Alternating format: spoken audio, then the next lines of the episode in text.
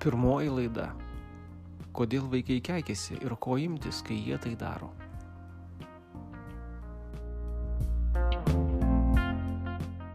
Šiandien kalbėsime apie tai, kaip šneka vaikai. Apie žodžius. Juk ir patys podkastai yra sudaryti iš žodžių. Žmonėms nelabai reikalingų, bet kartais praverčiančių.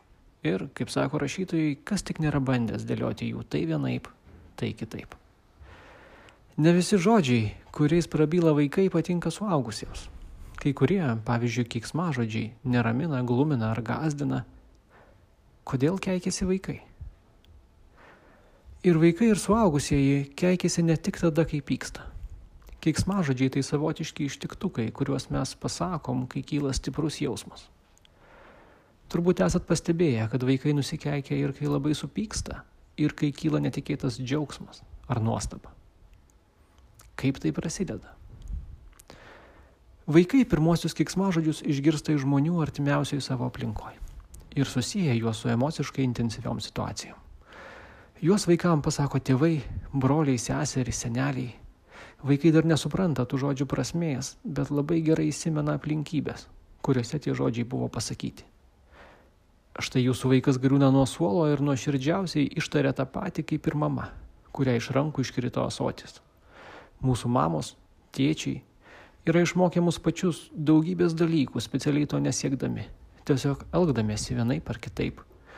Būdami vaikai turėjome nugaroje ausis ir akis, mokėmės ne iš pamokymų, o stebėdami suaugusiuosius.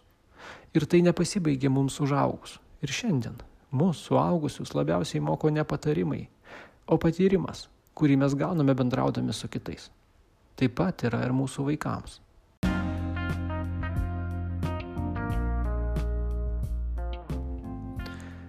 Kai vaikas keiksmažodžius naudoja siekdamas užgauti kitą žmogų, juos vertinam kaip verbalinę vaiko agresiją.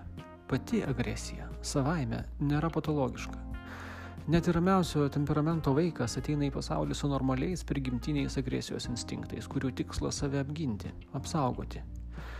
Visi mes esame šešerių baisės kalbas varnėję ir visi esame kaip nors davę į nosį, kai buvome trijų. Kaip sako Neilas Gaimanas, Gal pamiršom, gal apie siaubingus savo kūdikystės poelgius pasakojam su sarkastišku humoru, bet esu įsitikinęs, taip kiekvienam buvo. Vaikystės tyrinėtojai rašo, kad jeigu trimečiai vaikai būtų 1,80 m ūgio, svertų 80 kg ir galėtų gauti ginklų, suaugusiems būtų šakės. Bet vaikai juk silpni, o mūsų pareiga išmokyti juos suvaldyti prigimtinę agresiją, nes jos reikia atsisakyti, kad galėtum gyventi visuomenėje. Visi maži vaikai gali kasti, stumti, suduoti rankutėmis, šaukti ir verkti, kai dėl kažko pyksta ar kažką labai stipriai nori gauti. Pyktis ir agresija paprastai pasireiškia kartu, o mažiems vaikams yra labai būdinga reaguoti agresyviai į tai, kas jiems nepatinka. Kai esi toks mažas, juk labai daug kas nepatinka. Tų pykčių, sakytum, rasi prie kiekvieno kampo. Todėl mes atkakliai mokom vaikus, kad muštis negalima ir tada fizinė agresija pamažu ima trauktis vaikas išmoksta ją suvaldyti. Ir čia labai svarbu, kad suaugusieji būtų aktyvūs, nes vienas pats vaikas nesugeba šito padaryti.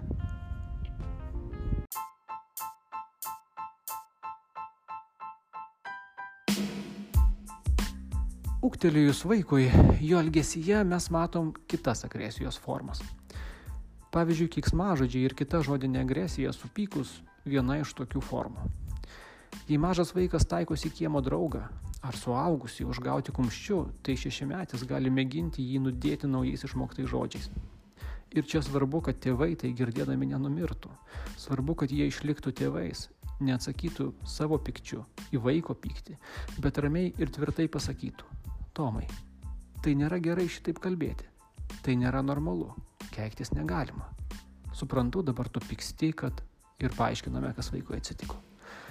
Vaikui reikia pasakyti, koks jausmas jį užklupo, koks elgesys tokiu atveju netinkamas ir ką jam daryti vietoje to. Nereaguoti į vaiko kiksmažodžius negalima. Reikia reaguoti. Ir daryti tai gali ne tik tėvai, seneliai.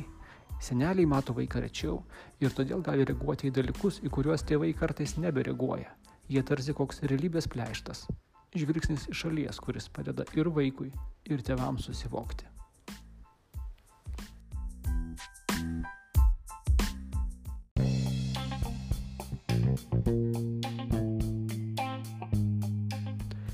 Šiam kartui tiek. Kitoje laidoje kalbėsime apie tai, kodėl keikiasi paaugliai ir kokios tėvų reakcijos jiems reikėtų. Su jumis buvau aš, Vytis Valantinas, dovanokit, jei kas buvo ne taip, psichologai nelabai moka elgtis prie mikrofono. Aplankykite mūsų paskyrą Facebook www.facebook.com pasvirasis brūkšnys ir vienas žodis vaikų psichologai. Susitikime vėl. Iki.